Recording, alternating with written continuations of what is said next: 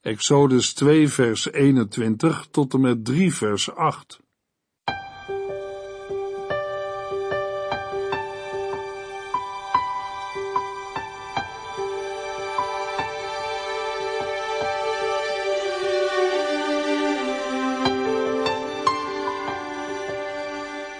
Hartelijk welkom bij De Bijbel Door, een programma van Transworld Radio.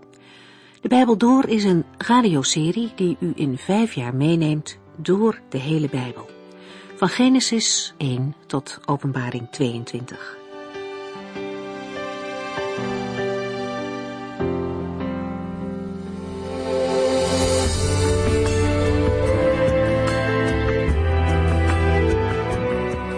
Vandaag gaan we verder met Exodus 2. De Israëlieten, ze hebben het moeilijk in Egypte. Ze worden verdrukt door de farao, die op een gegeven moment zelfs hun pasgeboren jongetjes om laat brengen. En in die moeilijke omstandigheden wordt Mozes geboren. Jochebed, de moeder van Mozes, verwacht haar hulp van de Heere God. Maar dat betekent niet dat ze haar verstand uitzet en niets meer doet. Een wonder van God verwachten betekent ook dat je gewoon moet nadenken en gewoon moet handelen. Jochebed doet wat ze kan. Ze maakt een stevig mandje voor haar baby en ze zet hem tussen het riet in de rivier de Nijl. God is daarbij. Hij heeft alles wat er gebeurd is in zijn hand. Hij stuurt de gebeurtenissen, maar gebruikt daar een heel eenvoudig meisje voor, het zusje van Mozes.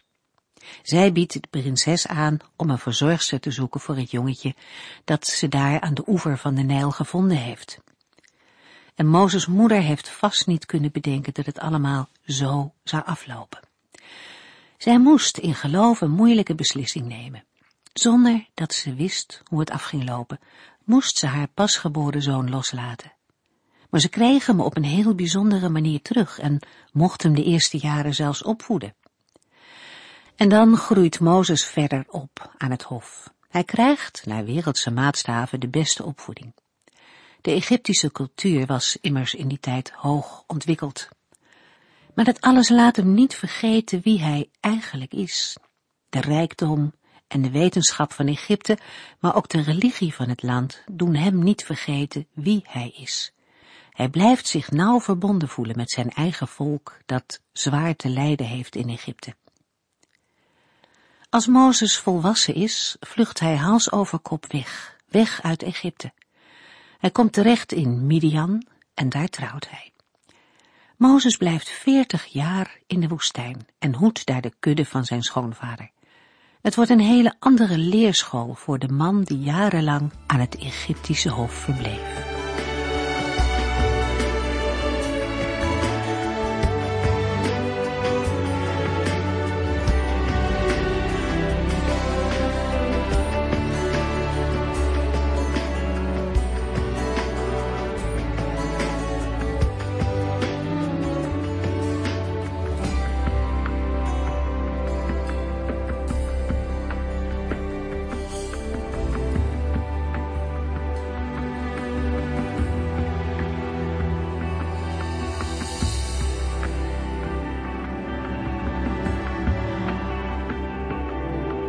Vorige uitzending sloten we af met Exodus 2 vers 21. Mozes besloot de uitnodiging van Jethro om bij hem te blijven wonen aan te nemen. En Jethro gaf hem zijn dochter Sippora als vrouw. Er zijn altijd vragen geweest rondom het huwelijk van Mozes. Ik ben er zeker van dat hij van zijn vrouw hield. Maar als we de verschillende gebeurtenissen in het gezin van Mozes lezen, dan krijg je de indruk dat de verhoudingen niet altijd geweldig waren. Exodus 2, vers 22 tot en met 25. Sippora raakte in verwachting en kreeg een zoon, die zij Gerzom vreemdeling noemden. Want Mozes zei, ik ben een vreemdeling in een vreemd land. Enkele jaren later stierf de koning van Egypte. De Israëlieten hadden het nog steeds zwaar te verduren onder het slaafjuk en hun geklaag steeg op naar God. God hoorde hen in de hemel en dacht aan het verbond dat hij met Abraham, Isaac en Jacob had gesloten. Hij zou hun nakomelingen naar het land Canaan terugbrengen. Hij zag hoe ze onderdrukt werden en wist dat het tijd was geworden om hen te redden. God maakte zich gereed om de Israëlieten te bevrijden. Mozes is opgeleid en door de Heere gevormd om de bevrijder van het volk te worden. De Heere koos er niet voor om de Israëlieten te bevrijden, omdat ze beter of meer waren dan de Egyptenaren. Niet omdat ze hem meer trouw en gehoorzaam waren geweest, of omdat ze niet tot afgodendienst waren vervallen. Het volk Israël is de Heere God ook ontrouw geweest. Bij tijden dienden zij liever de afgoden dan de Heere, de God van Israël. In het vervolg zullen we zien dat de Israëlieten, nadat ze uit Egypte bevrijd waren en Mozes hen naar de woestijn had geleid, popelden om een gouden kalf te maken. Ze gingen het ook nog aanbidden. De Heere God wilde hen bevrijden. Waarom? Het antwoord is te lezen in Deuteronomium 7, vers 7 en 8. Niet omdat u een groter volk was dan de anderen, heeft de Heer u uitgekozen, want u was het kleinste van allemaal. Hij deed dat omdat hij zoveel van u houdt en zijn belofte aan uw voorouders hield. Daarom bevrijdde hij u uit de Egyptische slavernij. De Heere God geeft twee redenen waarom hij Israël wilde bevrijden. 1. Omdat hij zoveel van hen houdt. En als tweede, omdat hij zijn belofte aan hun voorouders houdt. In de belofte aan de voorouders van de Israëlieten zien we ook Gods liefde voor de hele wereld. In Genesis 12, vers 3 zegt de Heer tegen Abraham: U zult voor alle volken een zegen zijn. In het omzien naar het volk Israël heeft de Heer de redding van de hele wereld op het oog. Uit Israël wordt de grote verlosser van de wereld geboren, de Heer Jezus Christus. In hem is er niet alleen redding voor Israël, maar ook voor u, luisteraar. De Heere maakt, ook vandaag, aan mensen duidelijk dat hij hen niet kan redden, omdat zij enige verdiensten zouden bezitten, op grond waarvan de Heer dat zou doen. De Heere God zei dat al tegen het volk Israël. Niet omdat u een groter volk was dan de anderen, heeft de Heer u uitgekozen, want u was het kleinste van allemaal. Hij deed dat omdat hij zoveel van u houdt en zijn belofte aan uw voorouders hield. Ook Paulus legt het uit in Romeinen 3, vers 23 en 24. Alle mensen hebben gezondigd en missen daardoor Gods nabijheid. Maar God is zo goed en vergevend hen weer aan te nemen, zonder dat het hun iets kost en zonder dat ze het hebben verdiend, omdat Jezus Christus hen uit de greep van de zonde heeft bevrijd. De woorden zonder dat het hun iets kost en zonder dat ze het hebben verdiend, laten zien dat er in mensen geen grond is te vinden voor bevrijding uit de greep van de zonde. De Heere doet het, omdat Hij zoveel van u houdt. Hij wil niet dat mensen verloren gaan, maar dat allen tot erkentenis van de waarheid komen. De Heere nodigt de mens uit om tot Hem te komen. Daarin is ieder mens zelf verantwoordelijk. Maar alle die Hem wel aanvaard hebben en geloven in Zijn naam, heeft Hij het recht gegeven kinderen van God te worden. Johannes 1, vers 12.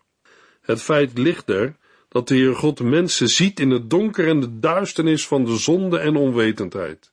Hij ziet dat u, jij en ik in onszelf hopeloos verloren zijn. Wij liggen midden in de dood en zijn niet in staat om onszelf te verlossen. Maar Gods liefde voorzag in een redder.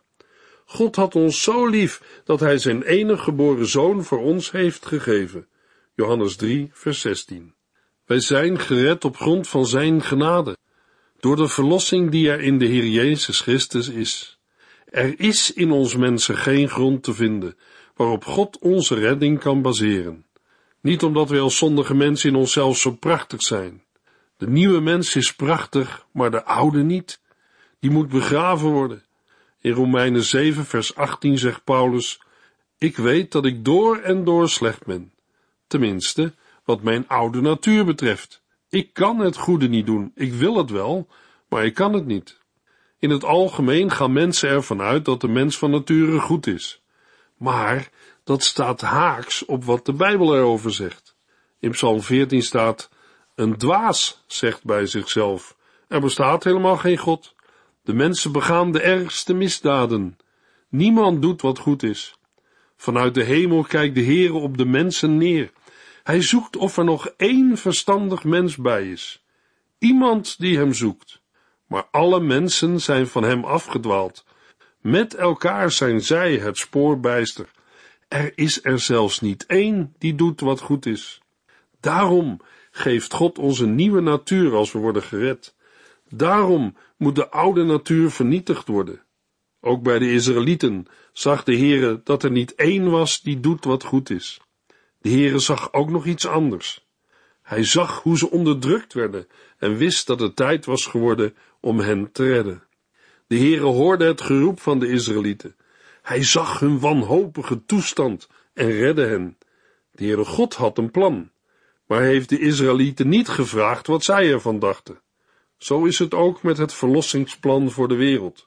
Mensen kunnen het daar best wel moeilijk mee hebben, maar de schepper van alle dingen is aan schepselen geen verantwoording schuldig. Een schepsel zou de schepper moeten vertrouwen en geloven. Immers, God de Vader had de wereld zo lief dat hij zijn zoon zond om voor de zonden van de wereld te sterven. Zijn zoon, Jezus Christus, stemde ermee in en kwam naar deze wereld. God de Vader stemde ermee in dat ieder mens die Jezus Christus vertrouwt voor zijn of haar verlossing gered zal worden. De Heere wil graag dat wij mensen zijn verlossing aannemen, maar een mens moet een persoonlijke keuze maken. Er was eens een moeder die hard werkte om haar zoon te laten studeren. Tegen betaling deed zij voor mensen de was. En daardoor kon haar zoon aan de universiteit studeren. Hij woonde op de campus, maar als het vakantie was, ging hij naar huis. Tijdens zijn studie kwam hij met allerlei visies, theorieën en denkbeelden in aanraking. Daardoor werd zijn hoofd en gedachten steeds meer gevuld met twijfels en vragen over God. Hij probeerde de verandering van denken voor zijn moeder te verbergen. Zijn moeder bleef hem vertellen over de genade van God en hoe prachtig het was dat de Heere haar had gered. Ten slotte kon hij niet langer naar haar gepraat luisteren. Hij zei, moeder, beseft u wel hoe klein u in het grote universum bent? Als u verloren gaat, zal God u helemaal niet missen. Zijn moeder gaf niet direct antwoord, maar ging gewoon door met eten koken en de tafel dekken. Na een tijdje zei ze, ik heb nagedacht over wat je zei. Je hebt gelijk. Wat stel ik nu voor in het grote universum? Als ik verloren zou gaan, zou God geen groot verlies lijden. Maar, als de Heere mij niet redt, dan zal hij meer verliezen dan ik. Immers, hij heeft beloofd dat als ik op de Heere vertrouw, hij mij zal redden. Als de Heere niet doet wat hij heeft beloofd, dan verliest hij zijn geloofwaardigheid en reputatie. Nummer 23 vers 19. God is geen man dat hij zou liegen. Hij verandert niet van gedachten zoals mensen doen. Heeft hij ooit iets beloofd zonder zijn belofte na te komen? God belooft de mensen verlossing, uitredding, ongeacht wie ze zijn en waar ze vandaan komen. En ieder die in hem gelooft gaat niet verloren en heeft eeuwig leven. Johannes 3 vers 16. Dat is wat God aan mensen belooft. Er was aan de Israëlieten niets aantrekkelijks, maar de Heere hoorde hun geklaag en zag hoe ze onderdrukt werden en wil hen redden. Er is ook aan ons niets aantrekkelijks, op grond waarvan God ons zou moeten redden. Maar de Heere sloot een verbond met Abraham, Isaac en Jacob en beloofde Israël verlossing. De verlosser zou uit Israël komen. In hem was er niet alleen redding voor Israël, maar voor de hele wereld. Genade is Gods liefde in actie. De Heere redt ons uit genade. Zijn grote liefde heeft ervoor gezorgd dat er verlossing is. Exodus 3, vers 1 tot en met 3. Mozes was herder geworden over de schapen van zijn schoonvader Jethro, de priester van Midian. Op een dag was hij met de kudde aan de rand van de woestijn, vlakbij Horeb, de berg van God. Daar verscheen de engel van de Heere aan hem als een vuurvlam, midden in een braamstruik. Toen Mozes zag dat de braamstruik wel vlam had gevat, maar niet verbrandde, liep hij er naartoe om het beter te bekijken. De veertig jaar dat Mozes in Midian verbleef zijn voorbij. Heel zijn opleiding in Egypte was niet voldoende om hem voor te bereiden de grote taak om Israël uit de slavernij van Egypte te bevrijden. Met veertig jaar voorbereiding in de woestijn van Midian rustte God hem toe voor die taak. Mozes heeft kennelijk de taak overgenomen van de dochters van Jethro en wijdt de kudde van zijn schoonvader. Hij treedt daarmee in het voetspoor van zijn voorvader Jacob. Tegelijkertijd bereidt het herderschap hem, zonder dat hij dit weet, voor op zijn toekomstige taak als leider van zijn volk. Op zekere dag is Mozes ver van huis en wijdt de kudde van zijn schoonvader bij de berg Horeb. De woorden aan de rand van de woestijn wekken de indruk dat Mozes zich buiten het gewone weidegebied van de Midianieten bevindt. Het is mogelijk op voor hem onbekend terrein. Deze verandering van weidegrond kan te maken hebben met het seizoen. Er wordt gesproken over de berg van God. Daarom menen sommige uitleggers dat de plaats waar Mozes nu is al voor de Midianieten een heilige plaats was. Toch is het waarschijnlijker dat de schrijver alvast vooruitkijkt. Hij wil de lezers alvast attent maken op die bijzondere plaats waar Mozes nu naartoe trekt. Mozes heeft dat vooraf niet geweten. Niets vermoedend trekt hij naar de plaats waar God zich aan hem zou openbaren en waar later de verbondsluiting zou plaatsvinden. Exodus 19 en 24. Op een dag was hij met de kudde aan de rand van de woestijn, vlakbij Horeb, de berg van God. Daar verscheen de engel van de Heer aan hem, als een vuurvlam, midden in een braamstruik. Toen Mozes zag dat de braamstruik wel vlam had gevat, maar niet verbrandde, liep hij er naartoe om het beter te bekijken. Toen de Heere dat zag, riep hij, Mozes, Mozes! Hier ben ik, zei Mozes. Kom niet dichterbij, zei de Heere. Trek uw schoenen uit, want u staat op heilige grond. Exodus 2, vers 1 tot en met 5. Op de plaats waar Mozes is aangekomen, verschijnt hem een engel of boodschapper van de Heere. Vanaf vers 4 wordt deze engel van de Heere op één lijn gesteld met God zelf, waardoor benadrukt wordt dat deze bode hem vertegenwoordigt en zo nauw met hem verbonden is, dat het is alsof de Heere zelf aan Mozes verschijnt en met hem spreekt. De engel van de Heere verschijnt in de vuurvlam van een brandende doornstruik, die desondanks niet verbrandt. Ook elders in de Bijbel lezen we dat de Heere verschijnt in vuur, als teken van zijn macht, heerlijkheid en heiligheid. Exodus 19 en 24 en Deuteronomium 4 en 9. Nieuwsgierig geworden door het wonderlijke verschijnsel, liep hij er naartoe om het beter te bekijken. Mozes wilde onderzoeken waarom de struik wel vlam had gevat, maar niet verbrandde. Bij Voltaire was het de schepping die hem tot erkenning van de schepper bracht. Hij zei, de wereld brengt me in verlegenheid, en ik kan me niet voorstellen dat deze klok bestaat terwijl er geen klokkenmaker zou zijn. Een van de belangrijkste bewijzen voor het bestaan van God is het bestaan van het volk Israël. Bij Frederik de Grote van Pruisen waren het de Joden die hem in verlegenheid brachten.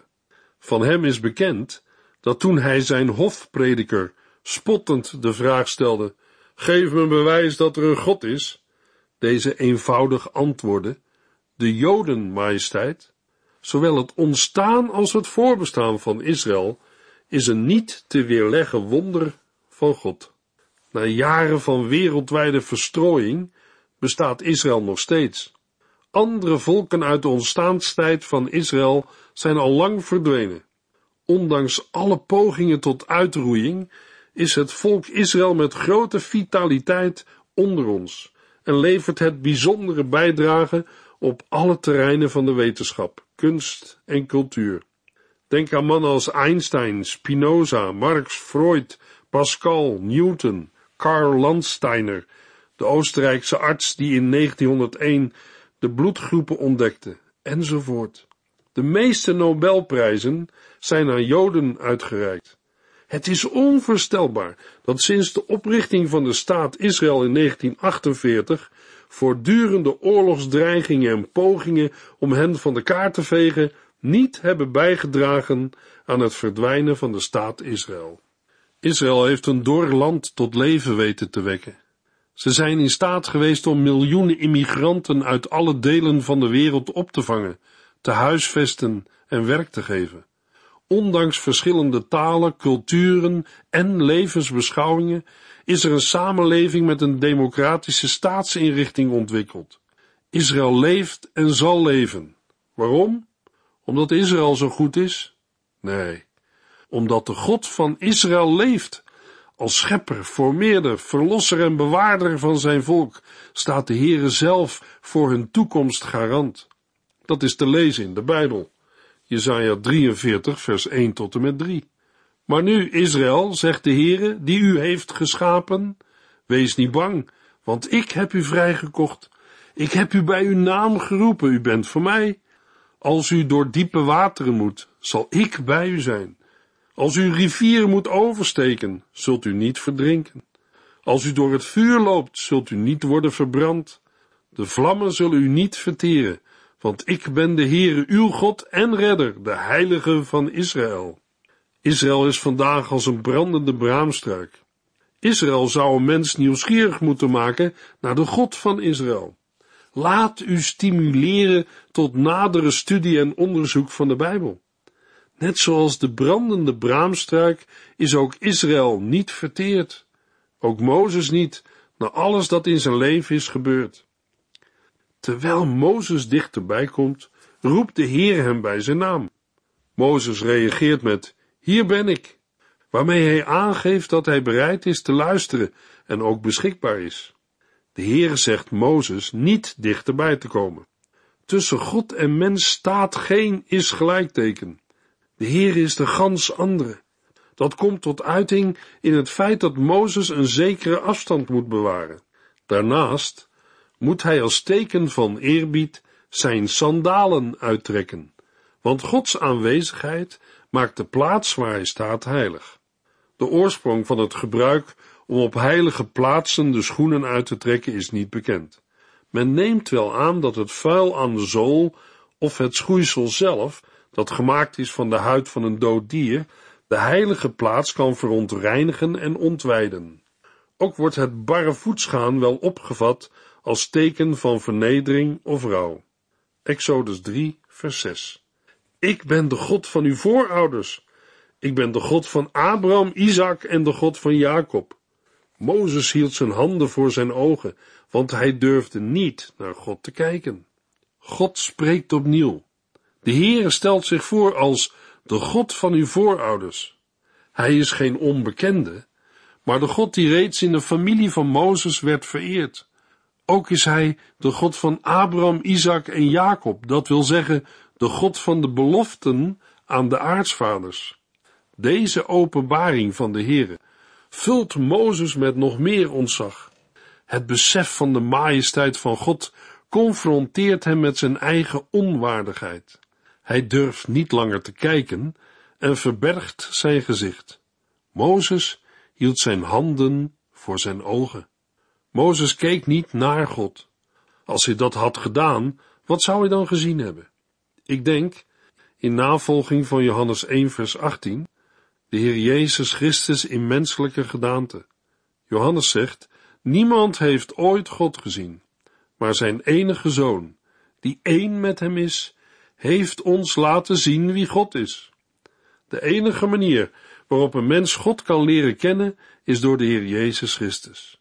Nu de Heere zich aan Mozes heeft geopenbaard en voorgesteld, wordt de reden van de openbaring bekendgemaakt. Exodus 3 vers 7 en 8. Toen vervolgde de Heere, ik heb de ellende van mijn volk in Egypte gezien, en ik heb de jammerklachten over hun onderdrukking gehoord. Ik ben gekomen om hen uit de handen van de Egyptenaren te redden. Ik zal hen vanuit Egypte naar een ander, een goed land brengen. Dat zal een groot land zijn, een land dat overvloeit van melk en honing. Het is het land waar de Canaanieten, Hethieten, Amorieten, Perizieten, Gewieten en Jebusieten wonen. De werkwoorden zien en horen geven samen aan dat niets van het lijden van de Israëlieten God is ontgaan. Tegelijkertijd herinnert de verwording aan Exodus 2 vers 25. Daardoor wordt opnieuw duidelijk dat de roeping van Mozes in direct verband staat met het feit dat God aan zijn verbond met Abraham, Isaac en Jacob denkt. Bovendien is dit de eerste keer in de Bijbel dat God de Israëlieten aanduidt als mijn volk. Het geeft uiting aan Gods liefde voor en zijn bijzondere verbintenis met Israël. Hij zal hen verlossen uit Egypte. Hij zal Israël leiden naar een goed en groot land, weg van het benauwde en ellendige bestaan in Egypte. Het goede van het land wordt uitgewerkt in de uitdrukking een land dat overvloeit van melk en honing. Dat wil zeggen een vruchtbaar land waar overvloed heerst. Hoe ruim het land is, blijkt uit het feit dat het ruimte biedt voor niet minder dan zes volken. Ook de opsomming van de volken die in Canaan wonen herinnert aan de landbelofte aan Abraham, Genesis 15. Wanneer de Heere God redt, redt hij niet alleen uit iets, hij redt ook altijd tot iets. Paulus legt het uit in Efeze 2, vers 5 en 6. Maar Gods liefde voor ons is zo groot dat hij ons volledig gratie heeft verleend, zelfs al waren wij door onze overtredingen dood voor hem. Hij heeft ons samen met Christus levend gemaakt. Wat een genade! Dat u gered bent, is enkel en alleen genade van God. Hij heeft ons, die één met Jezus Christus zijn, samen met Hem levend gemaakt en ook met Hem een plaats in de hemel gegeven. God heeft ons levend gemaakt en in Christus een hemelse positie gegeven. Als een mens vandaag wordt gered, is dat geen half werk en ook geen tijdelijke zaak. Eens en voor altijd heeft Christus voor de zonde betaald. U bent door God uitgekozen om koninklijke priesters te zijn, mensen die voor God zijn afgezonderd, om overal te vertellen hoe goed en groot Hij is, die u geroepen heeft om vanuit de duisternis naar Zijn heerlijk licht te komen. 1 Petrus 2 vers 9 Een gelovige en volgeling van de Heer Jezus is uit de duisternis gehaald en in Zijn heerlijk licht geplaatst. Dat is een verschil van hemel en hel, van dag en nacht. God zei, ik zal hen vanuit Egypte naar een ander, een goed land brengen. Dat zal een groot land zijn, een land dat overvloeit van melk en honing. Mozes moet naar de farao. Namens de Heere God moet hij zeggen, laat mijn volk gaan. Maar zal de farao dat doen? Daarover horen en lezen we meer in de volgende uitzending.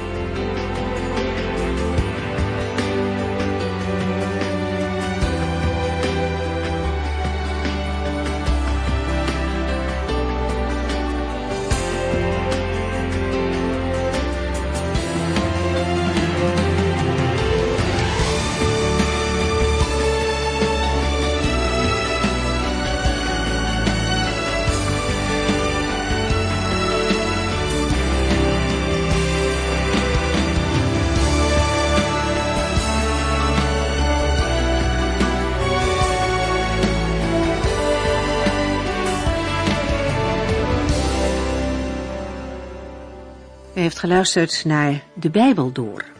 In het Nederlands vertaald en bewerkt door Transworld Radio. Een programma waarin we in vijf jaar tijd de hele Bijbel doorgaan. Als u wilt reageren op deze uitzending of u heeft vragen, dan kunt u contact met ons opnemen. Tijdens kantooruren kunt u bellen op 0342 47 8432. 0342 47 8432. 32. Ook kunt u een e-mail sturen naar de Bijbel at transworldradio.nl en natuurlijk kunt u ook via de post ons bereiken. TWR, postbus 371, postcode 3770, AJ in Barneveld. Dit programma werd gepresenteerd door Cor Weda en Ike André. Techniek was in handen van Odin van Woerdekom. En wij allemaal bedanken u voor het luisteren. Graag tot de volgende keer.